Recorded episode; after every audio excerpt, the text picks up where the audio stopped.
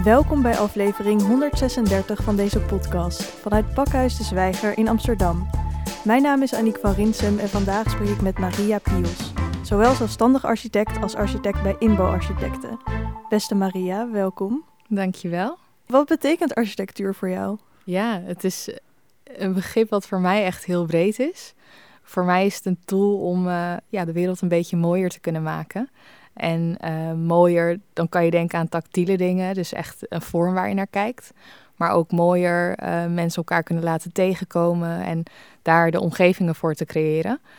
Um, ja, het is voor mij een heel avontuur om dat allemaal samen te kunnen brengen. Dat klinkt echt heel mooi. Wat maakt dat je ooit voor architectuur hebt gekozen? Ja, ik vond het best wel lastig als, uh, als jonge meid om te kiezen welke kant ik op zou gaan.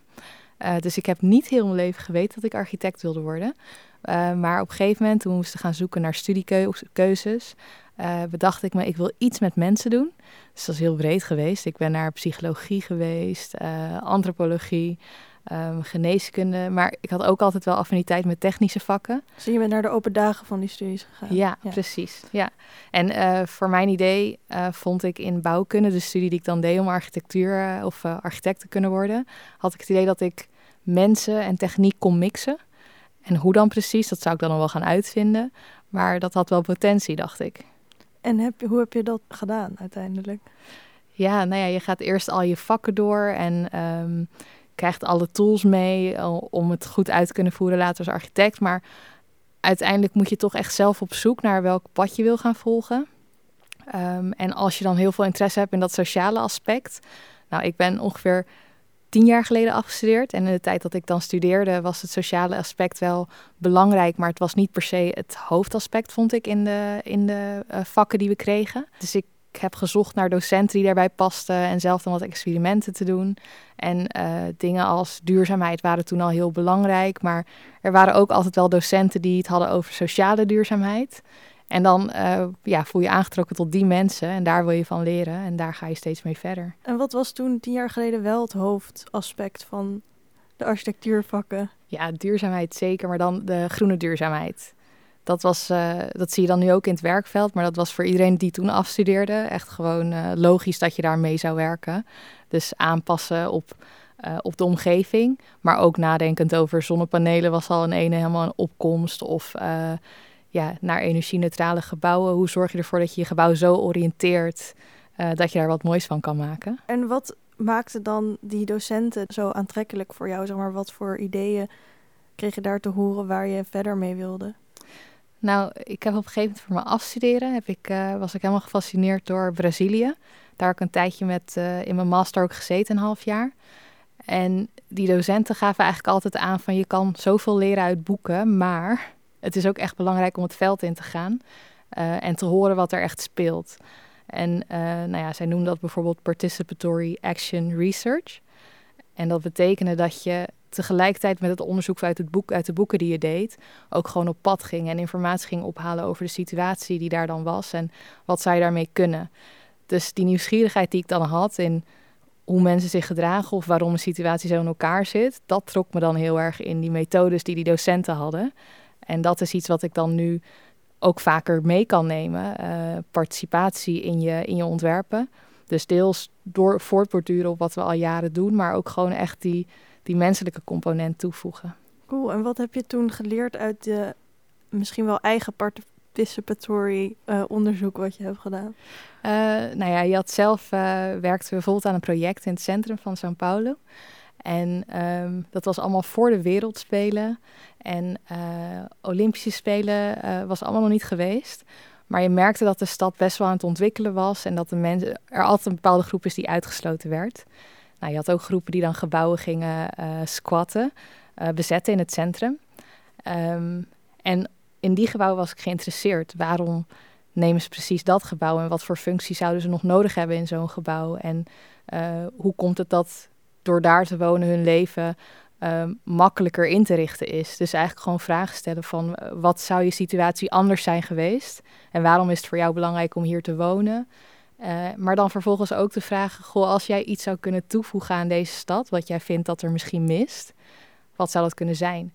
Uh, dus in het centrum was dat echt zo'n werkgebied. Dus overdag bruisend, heel veel mensen. Maar s'avonds werd het bijvoorbeeld helemaal af, ja, niemand die daar rondliep leek er heel eng. Als je naar de criminaliteitscijfers keek, dan was dat helemaal niet zo. Maar goed, het gevoel is belangrijk. Mhm. Eh, dus we zochten samen naar functies om, uh, om wat meer leven te kunnen creëren daar. Je was ook al tijdens je studie, het viel je op dat er veel met design, mensen zich daar veel mee bezig hielden, maar misschien wat minder met uh, hoe architectuur echt functioneert in de maatschappij. zou je daar misschien wat meer over kunnen vertellen? Ja, eh, ik denk dat dat misschien vooral verder is ontwikkeld na mijn studie. Uh, ik had altijd zo die focus op bijvoorbeeld Brazilië of andere landen in het buitenland. Maar als je kijkt naar wat er in uh, Nederland speelt, en dan bijvoorbeeld specifiek in Amsterdam, met onze hoge woningnood, met mensen die in gebieden wonen waar op een gegeven moment de prijzen zo hoog worden dat ze er eigenlijk niet meer kunnen blijven wonen en moeten verhuizen. Um, met allerlei systemen die er bedacht worden om mensen mee te laten denken in het vormgeven van een omgeving. Ehm, en wat voor effect bepaalde gebouwen kunnen hebben op de maatschappij. Dus als mensen samen kunnen komen of op de een of andere manier uit de werkloosheid kunnen komen uh, door functies die je aanbiedt, dan heeft dat uiteindelijk best wel een positief effect op onze hele maatschappij. Dus dat was dan niet alleen iets wat daar tijdens mijn studie, wat ik in Brazilië tegenkwam, maar iets wat je ook hier eigenlijk gewoon ziet spelen. Uh, en daar, uh, daar zit ik echt middenin. En op welke manier zit je daar middenin? Je hebt in Amsterdam best wel wat, uh, wat methoden dat je met mensen samen kan gaan ontwerpen. misschien kennen een aantal mensen het ook wel. Je hebt CPO's, dat is dat collectief particulier opdrachtgeverschap. Ga je met een klein groepje kopers um, kunnen mensen zelf bepalen wat voor gebouw ze zouden willen, hoe ze dat inrichten, welke aannemer, welke architect ze inhuren. Um, nou, daar hou ik mezelf helemaal niet mee bezig. Uh, wat je daar merkt is dat daar groepen samenkomen die. Het zijn vaak de lucky few. Het zijn kleine gebouwen. En als je nadenkt over we moeten voor veel mensen een oplossing bedenken. Het moet toegankelijk zijn, inclusief zijn. Vind ik dat een hele lastige. Dan heb je uh, in Amsterdam het concept, in heel Nederland hoor, ook in andere landen, maar uh, coöperaties. Uh, dat is voor mensen die willen huren. Die gaan nog steeds in een groep samenkomen, bedenken hoe een gebouw eruit moet komen te zien. En uiteindelijk huren ze van zichzelf en beheren ze hun eigen gebouw. Um, dat is super interessant, omdat je dan ook toegankelijkheid hebt voor mensen die alleen maar kunnen huren. Ja. Uh, maar waar ik dan nu zelf heel erg mee bezig ben, is ja, als we dit nou echt willen opschalen en uh, naar 100 plus appartementen, misschien nog wel meer, hoe kan je dat dan doen en hoe kan je dan samenwerken met, uh, met lokale ontwikkelaars, het aannemers? Is, het is echt jouw overtuiging dat je het best kan ontwerpen door echt te ontwerpen wat mensen zelf bedenken eigenlijk, zelf zouden willen. Ja, ik denk dat ik het vooral heel leuk vind, omdat we anders hele generieke gebouwen krijgen. Uh, en ik snap dan niet zo goed voor wie we aan het ontwerpen zijn. En voor mij zit het ergens tussenin. Het is niet helemaal bottom-up. Het is ook niet helemaal top-down. Maar hoe kan je wel die informatie meenemen, zodat mensen plekken krijgen die ze echt willen. En niet iets wat ik heb bedacht wat, uh, waar, waarin zij zich helemaal niet in kunnen vinden. Kan je daar een voorbeeld van geven? Uh, ja, we zijn uh, druk bezig met een project en verzinnen allerlei type appartementen. Het is een tender geweest en in de vroege fase hebben we met wat testpanels gekeken naar onze plattegronden. Um, en daar kwamen verschillende dingen naar boven. Er komen opmerkingen naar boven als waarom maken jullie in vredesnaam zoveel hallen in een uh, appartement? Ik wil gewoon heel veel open ruimte. Nou, dat zou kunnen, dat mensen zoiets zouden vinden. Maar iets anders wat er ook naar boven kwam, is dat er bijvoorbeeld gezinnen zijn die graag samen willen wonen met een grootouder. En daar dus ook ruimte voor in een huis willen uh, kunnen hebben. Nou, met die informatie kunnen wij op pad en kunnen wij wat gaan ontwerpen. En mensen gaan dat later dan hun eigen maken. En misschien verandert hun samenstelling van een gezin ook. De eerste keer dat ze zoiets kopen en dan na tien jaar. Dus ze moeten het ook nog kunnen aanpassen. Uh, dat is voor mij heel leuk om te horen, omdat ik dan niet meer het standaard stempeltje alleen maar ontwerp, maar echt inga op uh, veranderende maatschappij, verschillende doelgroepen die er zijn. Want wat is het standaard stempeltje voor de niet-architecten onder ons?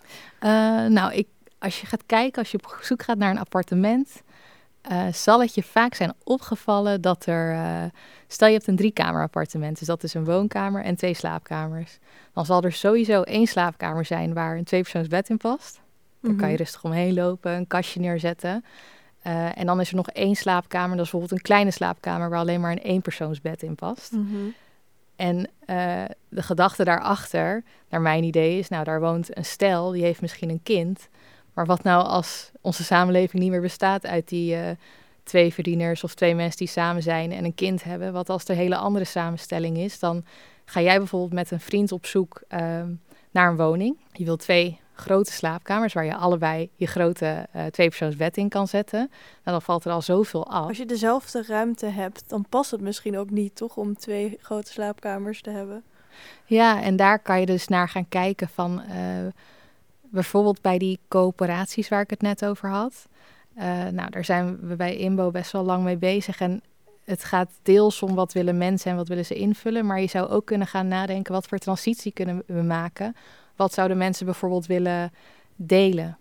Eh, en dan heb je het over gemeenschappelijke ruimtes of functies die er zijn. Of zijn er andere gebouwen waar mensen eh, iets van een zitkamer zouden willen delen? Dus je gaat de ruimte anders eh, indelen.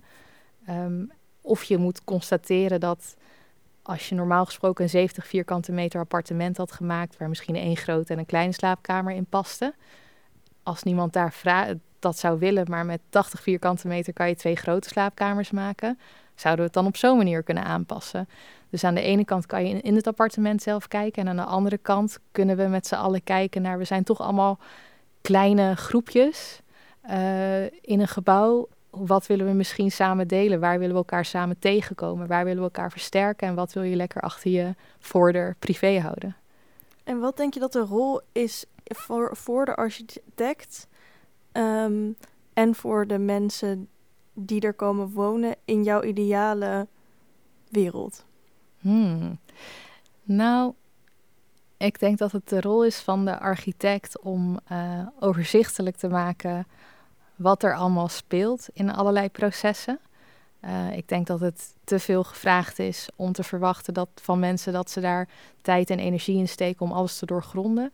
Eh, dus dat is onze verantwoordelijkheid. En in de ideale wereld krijgen wij feedback of input van die gebruikers. Eh, en dan elke keer dat ze iets aangeven, koppel je ook terug van nou, we kunnen best dit doen, maar de consequentie is dat dat dan niet meer mogelijk is. Of we doen optie B en dan kunnen we iets anders weer wel doen.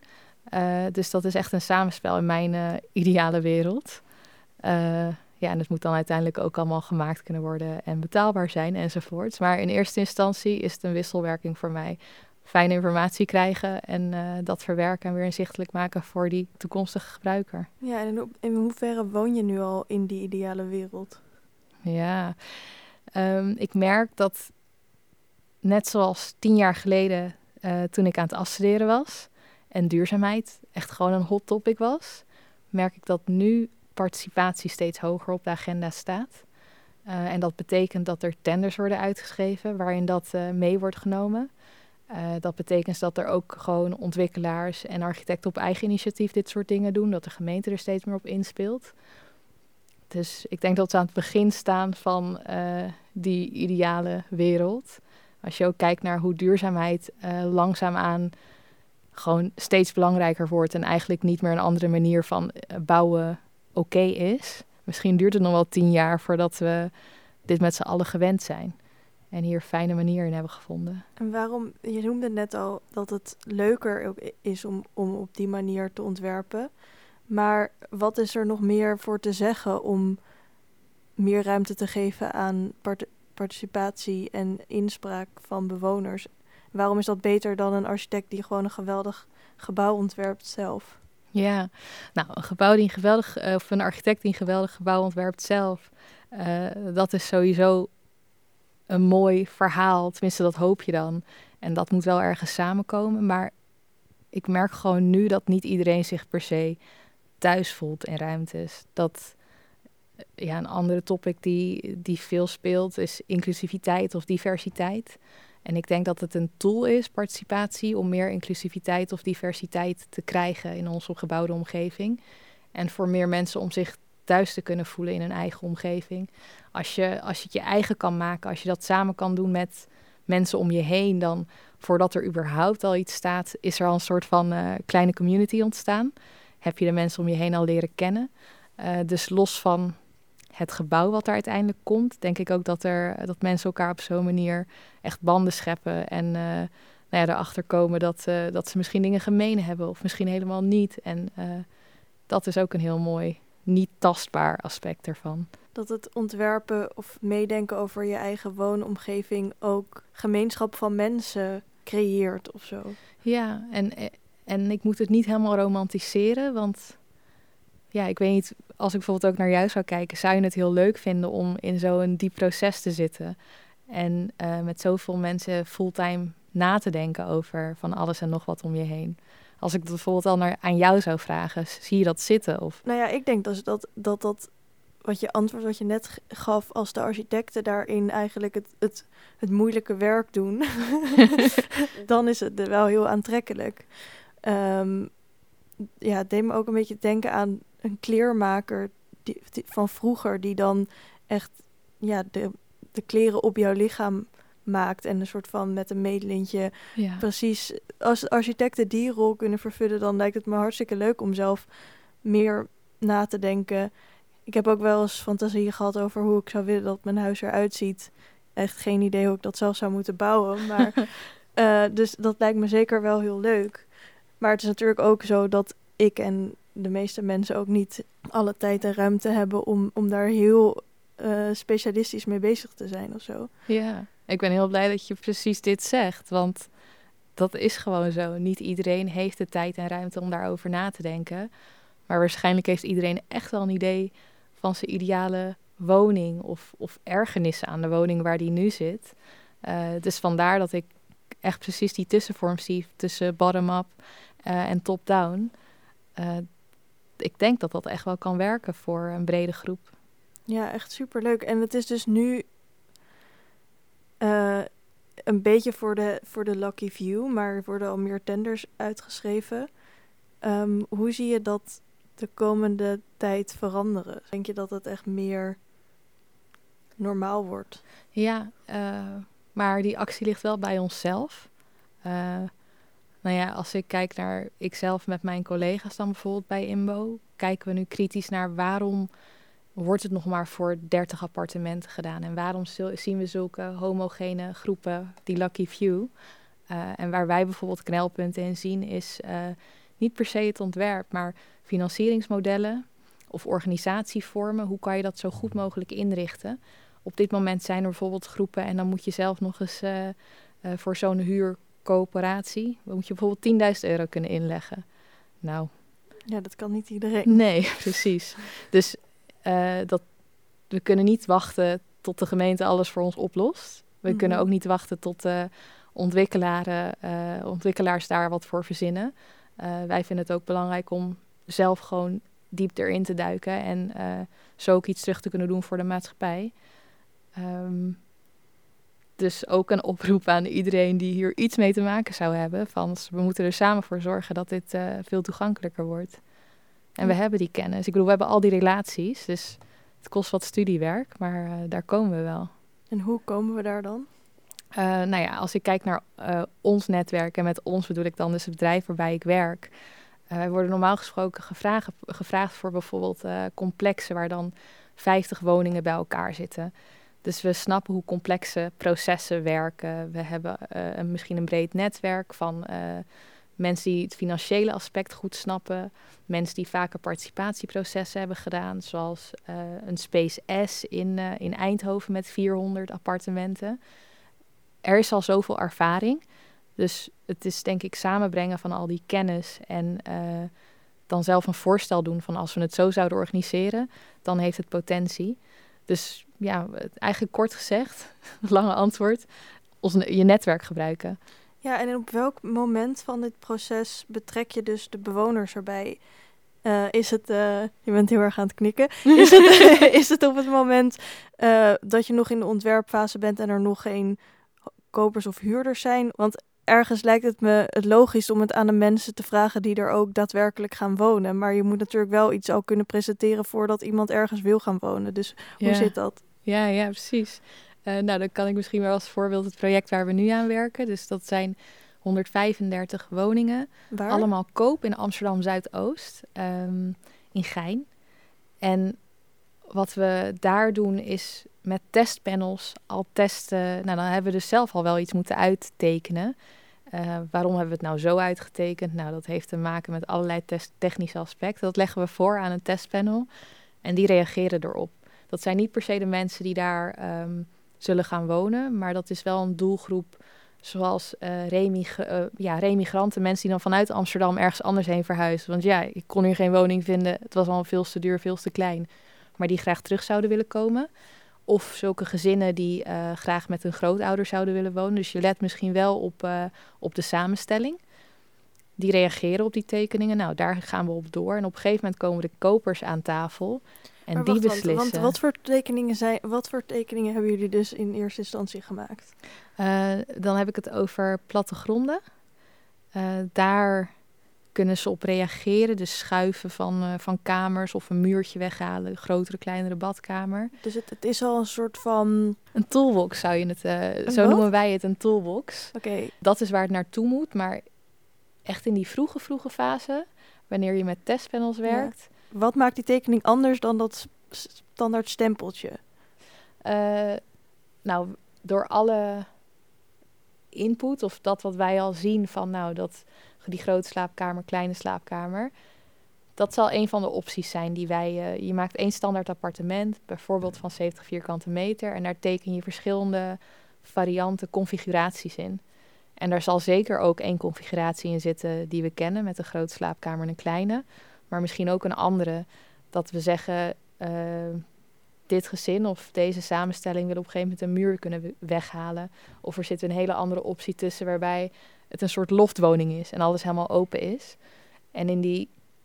Ik hou niet per se van echt alleen maar post-its plakken. Ik wil heel graag weten waarom je dan iets niet mooi of goed of fijn vindt. Dus wat, ik ga liever met je met niet alleen maar post-its plakken? Ja, dat is ook echt iets. dat is iets uit ons vak. Dat uh, met participatie kan je, um, kan je puur mensen post-its laten plakken. Dat je bijvoorbeeld uh, twee 3D-beelden laat zien van hoe het eruit komt te zien. En dan vraag je nou, schrijf met een opmerking op wat je bedoelt.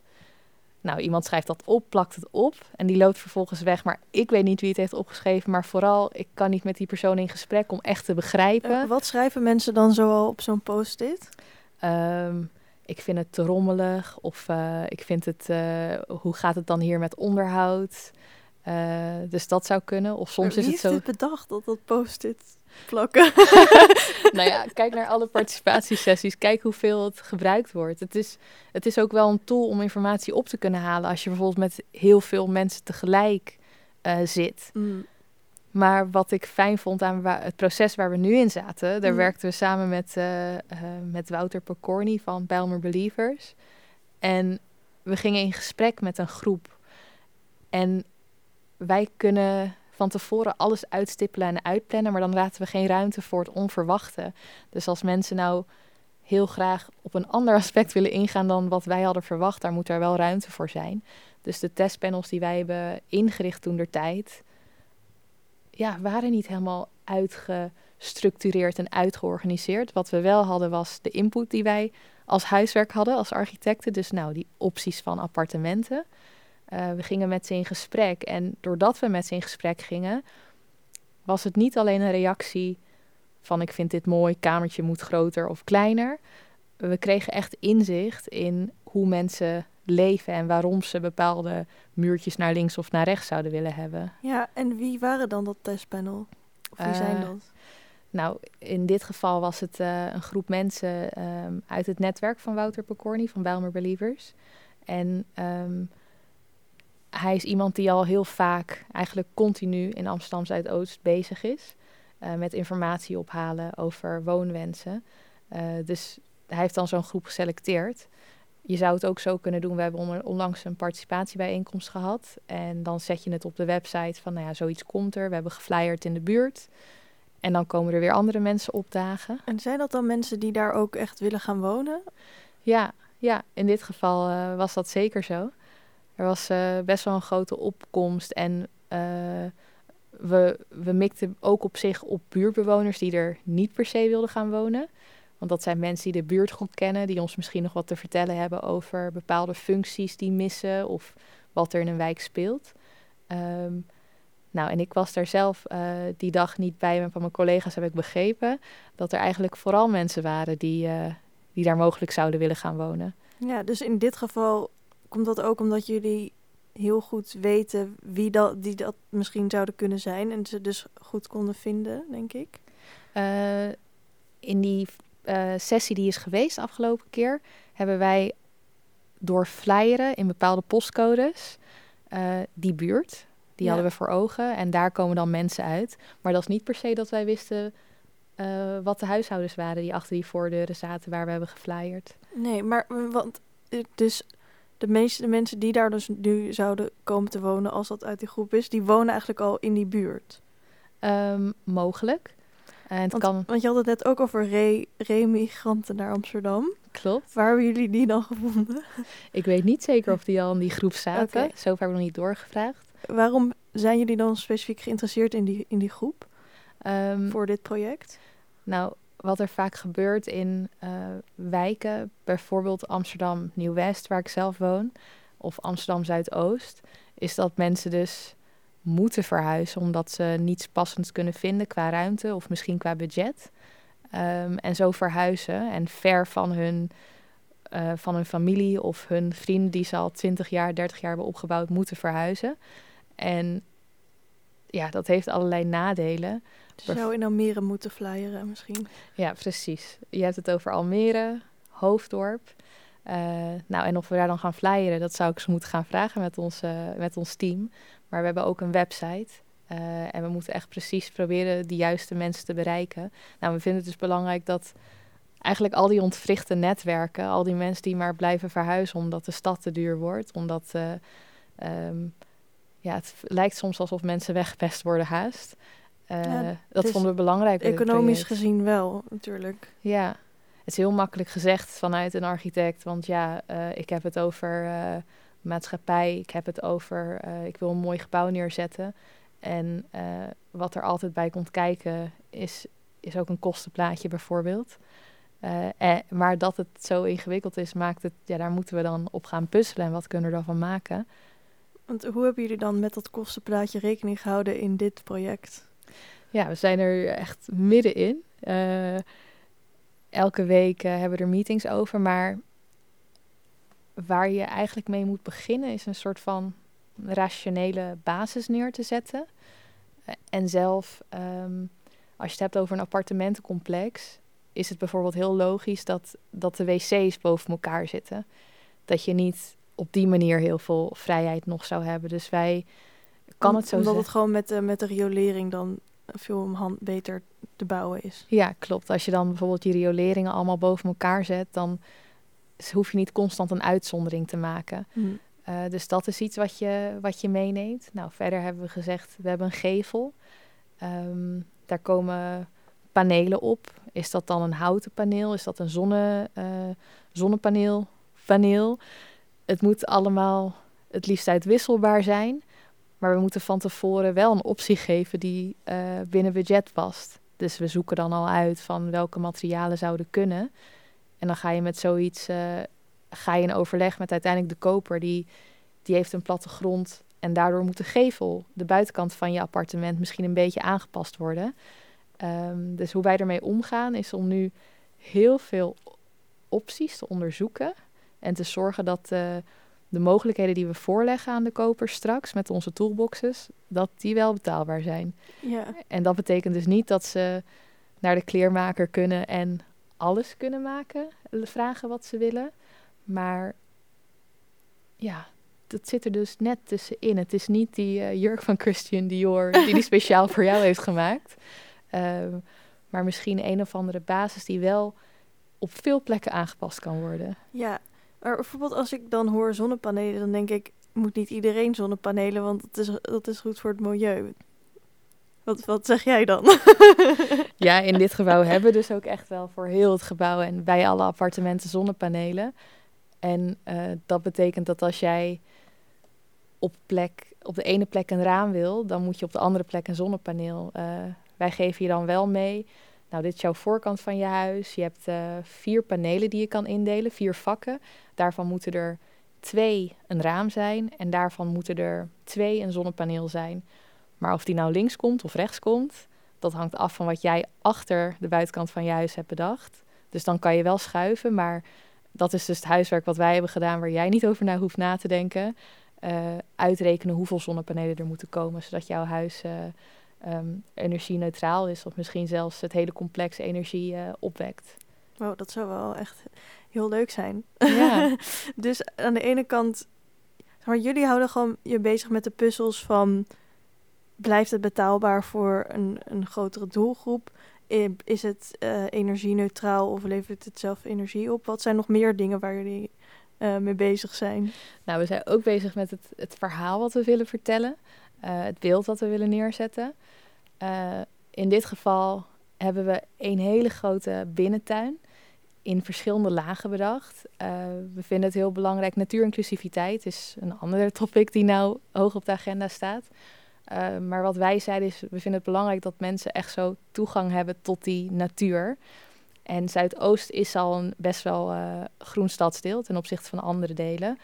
Maar hoe mooi zou het zijn als jij uh, je ramen openzet en dat je dan zo overzicht hebt over een binnentuin. En niet één binnentuin op één niveau, maar dat het als een soort van waterval over verschillende mm. niveaus heen gaat. Ik zie het al helemaal voor me. Het ziet er nou, heel mooi uit. Precies. En dat zijn ook wel weer de dingen. Waarom zou je nou komen wonen in ons complex als je nog niet precies weet hoe alles eruit ziet? We bedenken dus wel eh, een concept uh, en daar moet straks alles in passen. Uh, en voor ons, we leven allemaal steeds verder af van die natuur. En dit is dan ook een manier om dat wel te kunnen doen. Tegelijkertijd voldoet het dan aan die natuurinclusiviteit en aan duurzaamheid enzovoorts. Maar als je kijkt naar wat voor effect natuur op jou als mens kan hebben, dat is iets waar we dus mee bezig zijn, conceptvorming.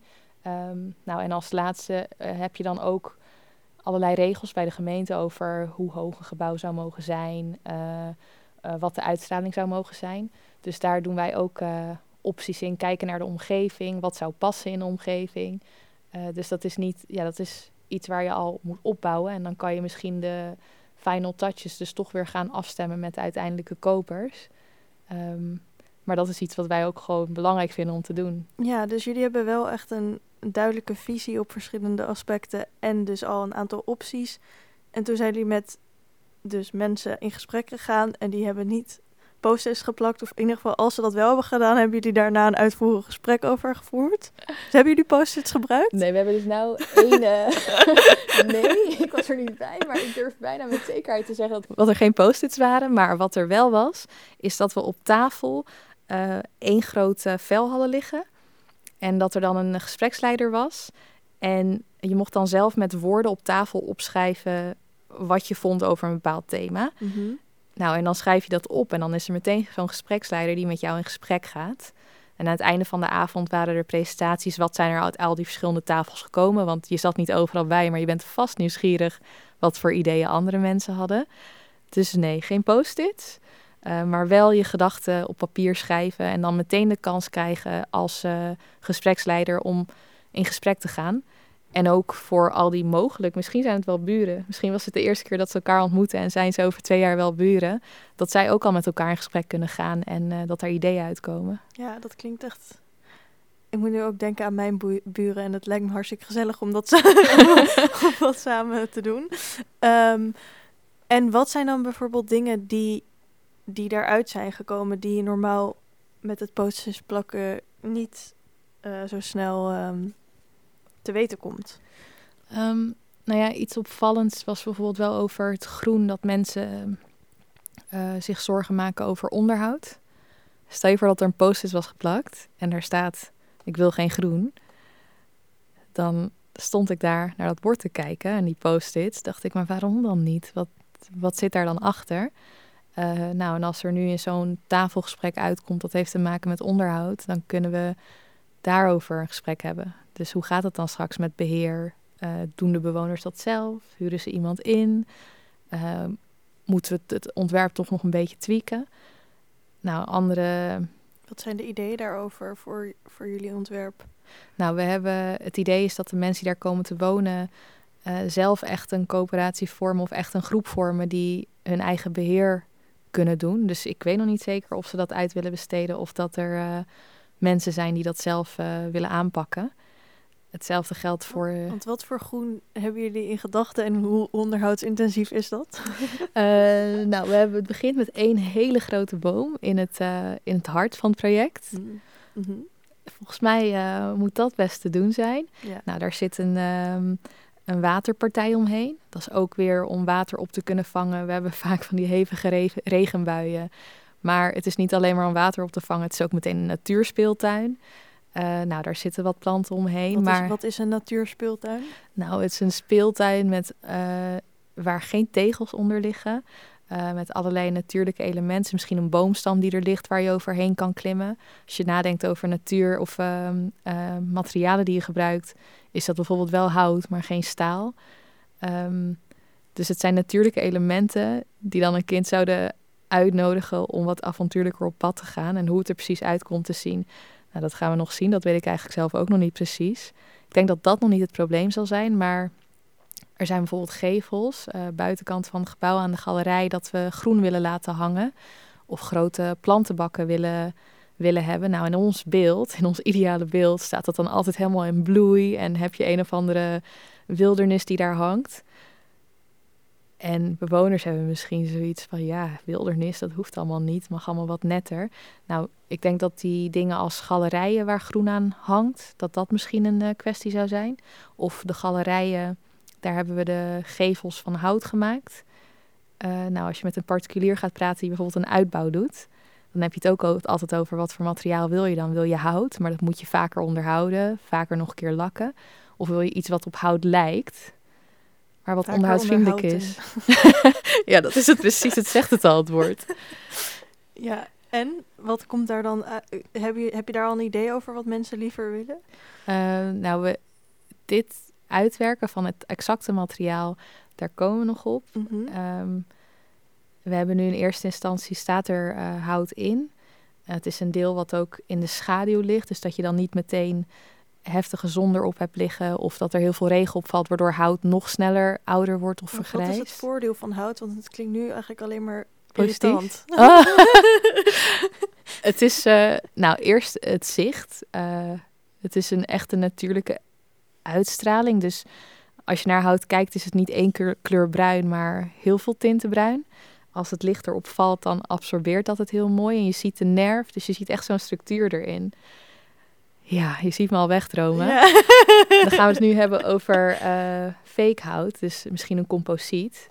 Daar wordt wel, het gaat steeds beter hoor. Het ziet er echt. is een composiet? Uh, een samengesteld materiaal, waar ook natuurlijke elementen in zitten, maar het Wat is voor geen. Natuurlijke in, je zou er een soort van houtsnippers in terug kunnen okay. vinden, maar verder zou je het kunnen zien als, um, ja, als een plastic, maar misschien wel vaak wel gerecyclede materialen.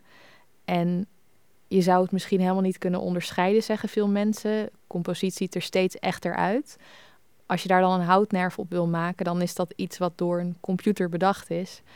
Uh, dus het is nooit de echte onregelmatigheid van hout. Uh, verder kan je het hebben over uh, hoe het licht weer kaatst. In dat hout is het heel dof, dus dat wordt zo geabsorbeerd. Maar als je dan over dat composiet hebt, wat een beetje meer glimt, dat wordt op een andere manier weerkaatst. Nou, en ik ben echt zo de persoon die er in detail op gaat kijken. Maar kunnen dus bewoners zijn die mij aankijken zoals jij mij nu aankijkt. Hoe kijk ik nu? Echt zo van, ja, dat zijn wel heel veel details.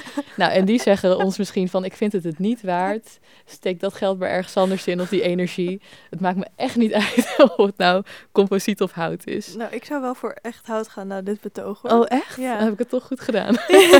ja, ik bedoel, ik kon natuurlijk ook jouw gezicht wel zien glunderen. Maar ik, ik kan me ook wel voorstellen dat het toch wel uitmaakt als je ik heb wel het idee dat mensen dat onderscheid toch wel kunnen maken. Of tenminste, ik heb wel vaak dat ik het wel kan zien of iets echt of nep is. Ja. Als het natuur, als het een nepbloem is of zo. Ja. Um, Oké. En hoeveel is het dan zo dat, dat jullie gewoon heel veel verschillende opties hebben en dat mensen dat kunnen kiezen? Of is het ook nog zo dat mensen het echt helemaal zelf kunnen bedenken? Uh, nee, we hebben wel uh, verschillende opties waar mensen op, eh, uit kunnen kiezen. En het is, lijkt me ook belangrijk om uh, iets neer te kunnen leggen waar je op kan reageren. Uh, want het is best wel lastig om, om een open vraag te stellen en daar een antwoord op te geven.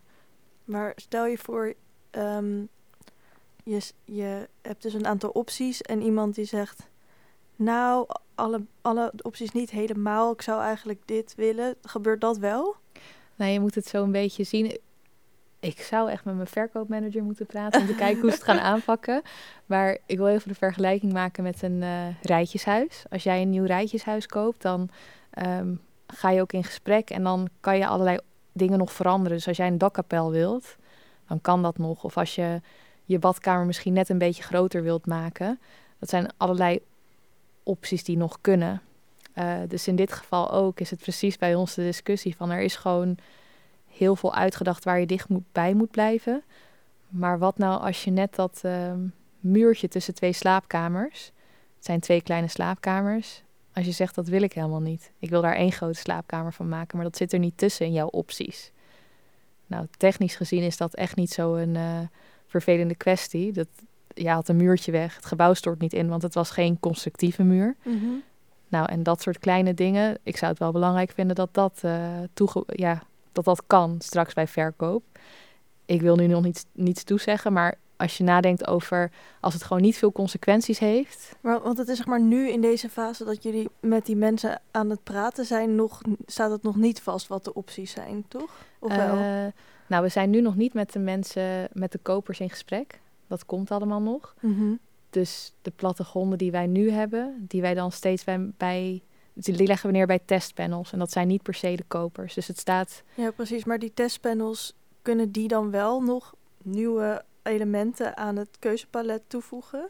Ja, het lijkt me slim als wij daar wel, uh, als wij daar naar luisteren en daar Mhm. iets mee doen. En uh, soms kan het niet, als, als dat betekent dat het hele project niet uitgevoerd kan worden, omdat het daardoor te duur wordt, ja, dan kan je zoiets niet meenemen.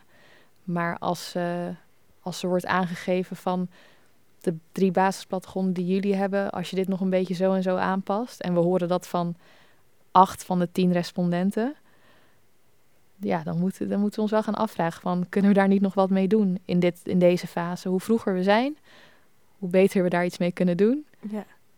En, en hoeveel verschillende opties uh, zijn er hmm. ongeveer? Ja, uit mijn hoofd zou ik het niet weten. Ik heb laatst een overzichtje gemaakt en had het met mijn collega erover van dit is echt enorm veel geworden. Maar um, we hebben verschillende typen appartementen. Je hebt uh, gelijkvloerse, je hebt maisonettes. Dat zijn uh, woningen die op twee verschillende lagen zijn gesitueerd. Uh, je hebt meergeneratiewoning. Dat is een rijtjeshuis met een soort van herenhuis met drie lagen. Dus nou heb ik er al drie genoemd. maar dat is in een appartementencomplex? Uh, dat zit in het complex en net even los van het appartementendeel. Dus er okay. zitten in ons complex ook dat soort woningen. Okay. Dan heb je nog um, uh, appartementen die dan breder zijn dan anders en minder diep. En dan heb je binnen die appartementen... Ja, zijn we dus nu de, de opties aan het uitdenken. En dat zijn er vaak drie per ja, en, wat is dan bijvoorbeeld het, het, het leuke of het voordeel van zo'n breder appartement? Minder diep? Uh, dat er veel licht binnenkomt in je appartement van uh, twee kanten. Ik denk dat dat vooral het belangrijkste is. En soms kan je ze net even wat makkelijker een, uh, indelen met kortere gangen. En is het dan zo, doordat je dan dat soort appartementen hebt in je complex, dat weer andere huizen dan weer juist dieper worden en minder licht hebben? Uh, nou, ze liggen dan ergens anders in het, uh, in het complex, waardoor andere appartementen, die zijn dieper, die, hebben in het midden inderdaad minder licht. Maar we rekenen wel alles door, dus het, heeft, uh, het moet genoeg daglicht hebben, moet genoeg ventilatie hebben.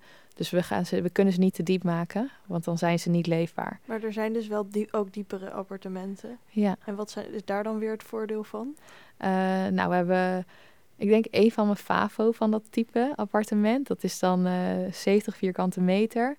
En dan kom je binnen in je appartement. Dus het is eigenlijk één grote ruimte. Waar in het midden bijvoorbeeld je kookeiland staat of een keuken aan de zijkant. En dan uh, aan de ene kant heb je een zitkamer en aan de andere kant heb je een eettafel. Maar het is één open ruimte. Dus misschien is zo'n uh, appartement niet geschikt voor uh, mensen die een heel verschillend ritme hebben en met z'n tweeën daar wonen. en dan heb je aan de zijkant ik stel het me een beetje voor als een meubel waarin alles verstopt zit. Als je één deurtje open doet, is dat een slaapkamer. Oh. Als je het andere deurtje open doet, is het een tweede slaapkamer. Als je het andere deurtje open doet, is dat een, eh, eh, een badkamer.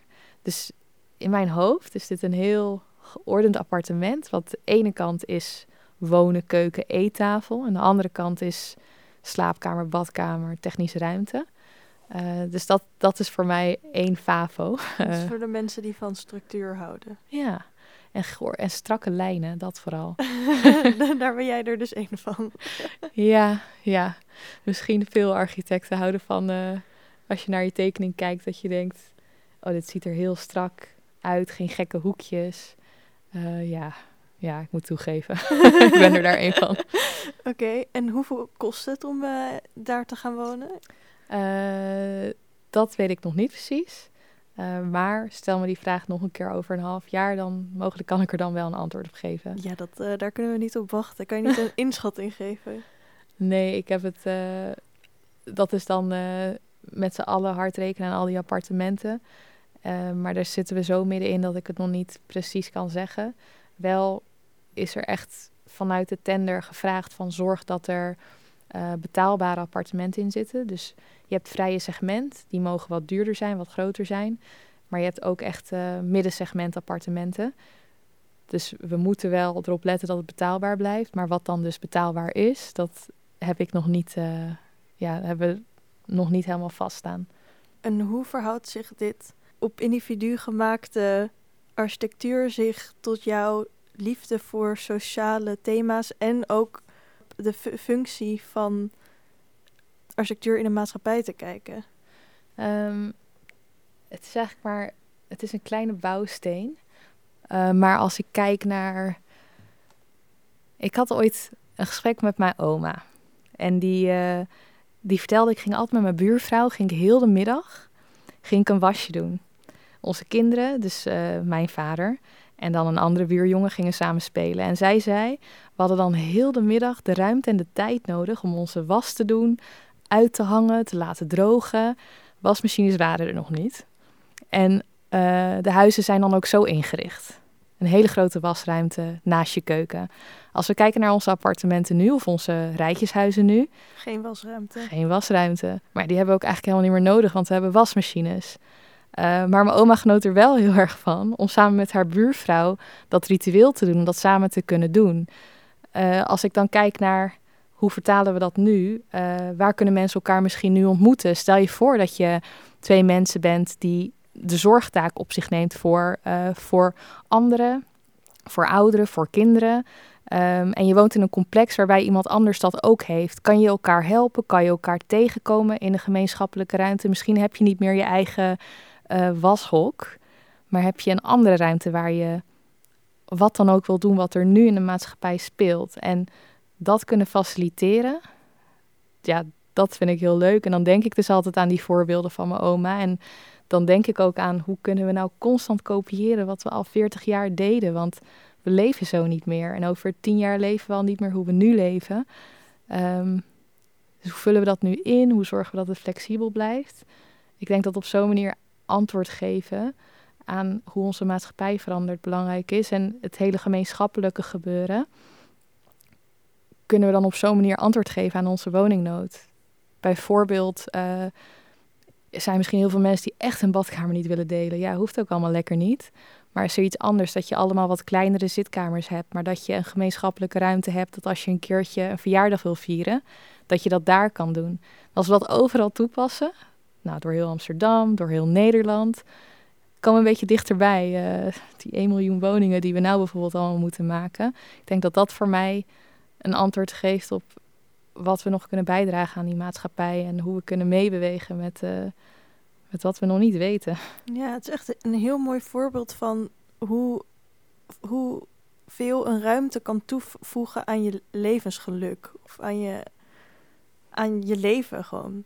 Ja, En ook aan dus een heel goed voorbeeld van hoe de maatschappij verandert. En inderdaad niet in een maatschappij leven waarin iedereen, ieder gezin ouders en een kind is. Zeg maar, sommige, sommige mensen hebben heel veel kinderen, sommigen hebben geen kinderen, sommige mensen willen misschien met hun vrienden wonen. Eh, en nu wordt dat misschien soms gezien als een soort tussentijd. Van als je jong bent, woon je met je vrienden. En daarna ga je wel naar, dat, naar die gezinswoning. Maar dus eigenlijk, als ik jou er zo over hoor praten, vind ik het eigenlijk gek dat we alle gebouwen zo inrichten. Want het, delig- leg- Legitimeert. het dele- legitimeert ook dat je gewoon tevreden en blij kan leven op een andere manier, zeg maar. Ja, en wij hebben het nu alleen maar over gebouwen. Laat staan onze openbare ruimte. We, de samenstelling van onze samenleving is niet meer die, ja, die norm die we in ons hoofd hebben. Die fitte man, die lange fitte man die, eh, die overal makkelijk opstapt en eh, waar de stoelen op zijn afgestemd enzovoort. Ja, dat was het ook vroeger niet, maar we zijn nu in ieder geval bewuster daarvan. Ja, ja het, is, het is gewoon echt een hele mix. En jij bent eh, daarvoor aan het bouwen. Ja, ik, Gemixt bouwen. ja, ik doe mijn best. Ik zie het als een uitdaging. En ja, ik vind het ook helemaal niet meer leuk als iemand naar mij toe komt met een hele niet uitdagende opgave. ja, want dat is het wel. Het is wel misschien uitdagender om op deze manier te bouwen. Ja joh, ik, ik- voor mij, maar ik kan me voorstellen voor heel veel andere mensen in ons vak. Zeker wel. Kost het meer tijd? Eh, nou, dan ga ik het niet over het project hebben waar we het nu over hebben, omdat we dat nog niet hebben afgerond. Dus ik, ik heb eigenlijk nog geen bewijs. Mhm. Maar eh, mijn collega's hebben wel een project in Eindhoven afgerond. Eh 400 appartementen ongeveer. 402 of 3 waren het er. Allemaal sociale huur. En daar wordt dan dus altijd gevraagd van ja, maar het was vast veel duurder. Of eh, het was vast, het duurde allemaal twee keer zo lang zeker. Maar nee, het was binnen tijd, binnen budget. En dan zie je dus gewoon, ja, dat kan. En eh, dat kost gewoon heel veel professionaliteit. En heel die, al die appartementen zien er een beetje anders uit. Als je daar naar kijkt, naar die appartementen van binnen, dan zeg je niet, hé, hey, dit is sociale woningbouw.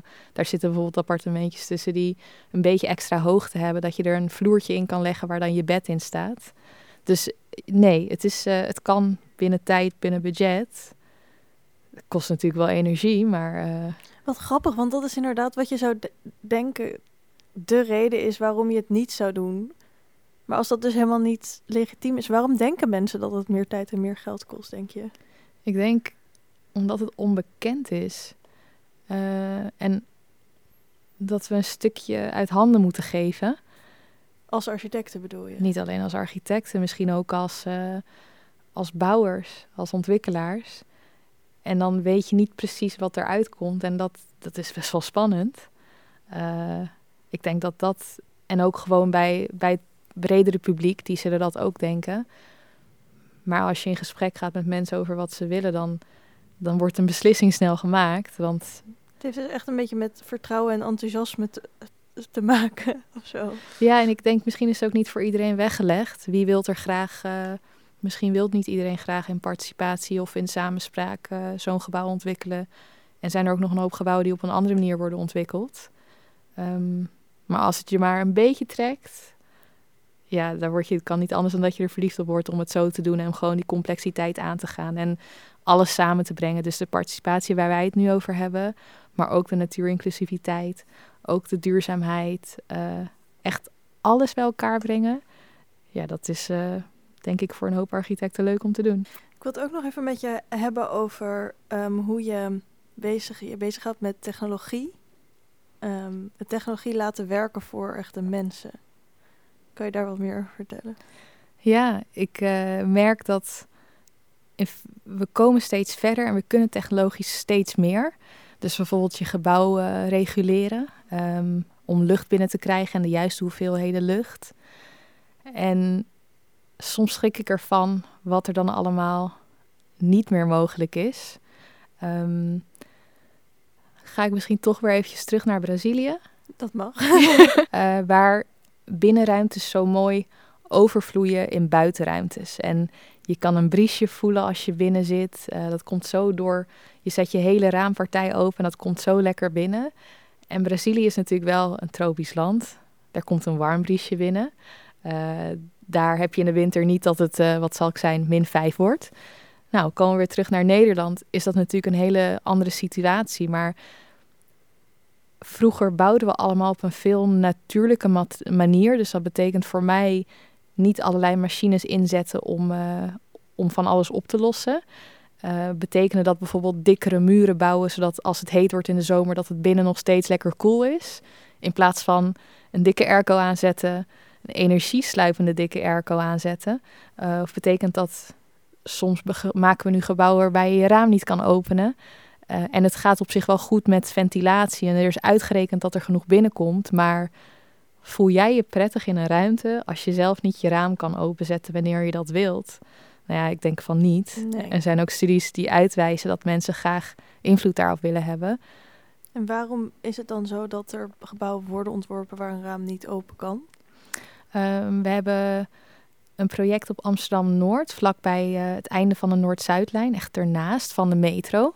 En uh, omdat onze stad zo vol is, hebben we steeds vaker een locatie wat echt zo'n ja, reststukje grasveld is waar je nog een gebouw kon neerzetten. Maar dat is een stukje grasveld met heel veel uitdagingen. Want dat zit naast een uh, eh, 80 weg, waar auto's 80 mogen rijden. Of het zit naast een uh, metrobaan. Dus er komt allerlei geluid vanaf. Uh, en dan willen we voor uitstoot of geluid mensen wel beschermen tegen, tegen die invloeden van buitenaf. Dus dan maak je een buitenruimte die niet open kan. Dus waar je wel buiten kan zitten, achter glas wat via een, uh, een kast komt er wel lucht binnen. Um, maar niet direct dat jij je hand naar buiten kan uitsteken en kan zwaaien en de wind kan voelen. Maar die lucht komt toch ook van dezelfde plek vandaan, zou je denken? Ja, dat wordt dan wel gefilterd uh, voordat het dan bij jou is. En misschien is dit een heel moeilijke plek, want dan is het van ja, maar zou je dat dan wel weghalen? Want dan krijg je al die herrie binnen. En je wil mensen beschermen tegen die herrie. En ook die uitstoot, dat, dat zou ik nog wat, wat enger vinden. Omdat het ook gewoon echt letterlijk slecht kan zijn voor je gezondheid. Ja, en als het dus alleen maar gaat over uh, geluid... Ja, dan zit je je soms af te vragen... We gebruiken dit stukje grasveld wat over was, wat zo lastig was... Maar moeten we dan zo ver gaan? Of kunnen we iets anders bedenken, zodat mensen wel iets kunnen openen? En ik denk dat daar ook bij mij nog een heel stuk ontwikkeling zit. Hoe ik die techniek steeds beter kan gebruiken, zodat ik op een andere manier kan inzetten. En er zijn heel veel architecten die dat echt al helemaal in de vingers hebben. Maar omdat ik merk bij elk project wat ik tegenkom dat er altijd wel weer iets nieuws is, uh, dat ik het is gewoon heel belangrijk aan het worden. En laat techniek onze vriend zijn en helpen waar we echt niet anders kunnen. Maar kunnen we zoveel mogelijk passief bouwen, een gebouw wat voor zichzelf werkt en waar ik niet allerlei machines of attributen aan moet hangen om het te laten werken. En ja, ik weet het, we zijn niet in Brazilië of een of ander tropisch land, maar we kunnen toch een hoop. Je bent dus met heel veel vernieuwende dingen bezig en ook goed aan het nadenken hoe het allemaal beter kan. Waar zie je jezelf over tien jaar? Oh, ja, dat is een hele moeilijke vraag en zo ver vooruit denken vind ik ook heel lastig, moet ik zeggen. Dus ik, ik weet niet precies waar ik zit over tien jaar. Maar ik hoop dat ik niet vastgeroest ben en dingen ben gaan accepteren zoals ze zijn. Uh, want dat is het voordeel als je pas tien jaar in het vak zit. Dat je alles nog bevraagt en dat je nog durft of kan zeggen. En ook gewoon echt nog ziet van waarom doen we dit niet anders. Dus over tien jaar wil ik in mijn gedachten nog net zo jeugdig zijn. Maar waar precies en hoe precies, ja, dat vind ik lastig om te zeggen. Heel veel dank, Maria Pios. Beste luisteraars, dit was aflevering 136 van de podcastserie van Pakhuis de Zwijger. Wil je meer weten? Kom of kijk dan op maandag 4 april om 8 uur naar Together We Design. Is everyone a designer? In Pakhuis de Zwijger of via dezwijger.nl slash live. Een rating achterlaten of je abonneren op deze podcast kan via SoundCloud, Spotify, Apple Podcasts of een ander podcastplatform. Dank voor het luisteren en tot de volgende keer.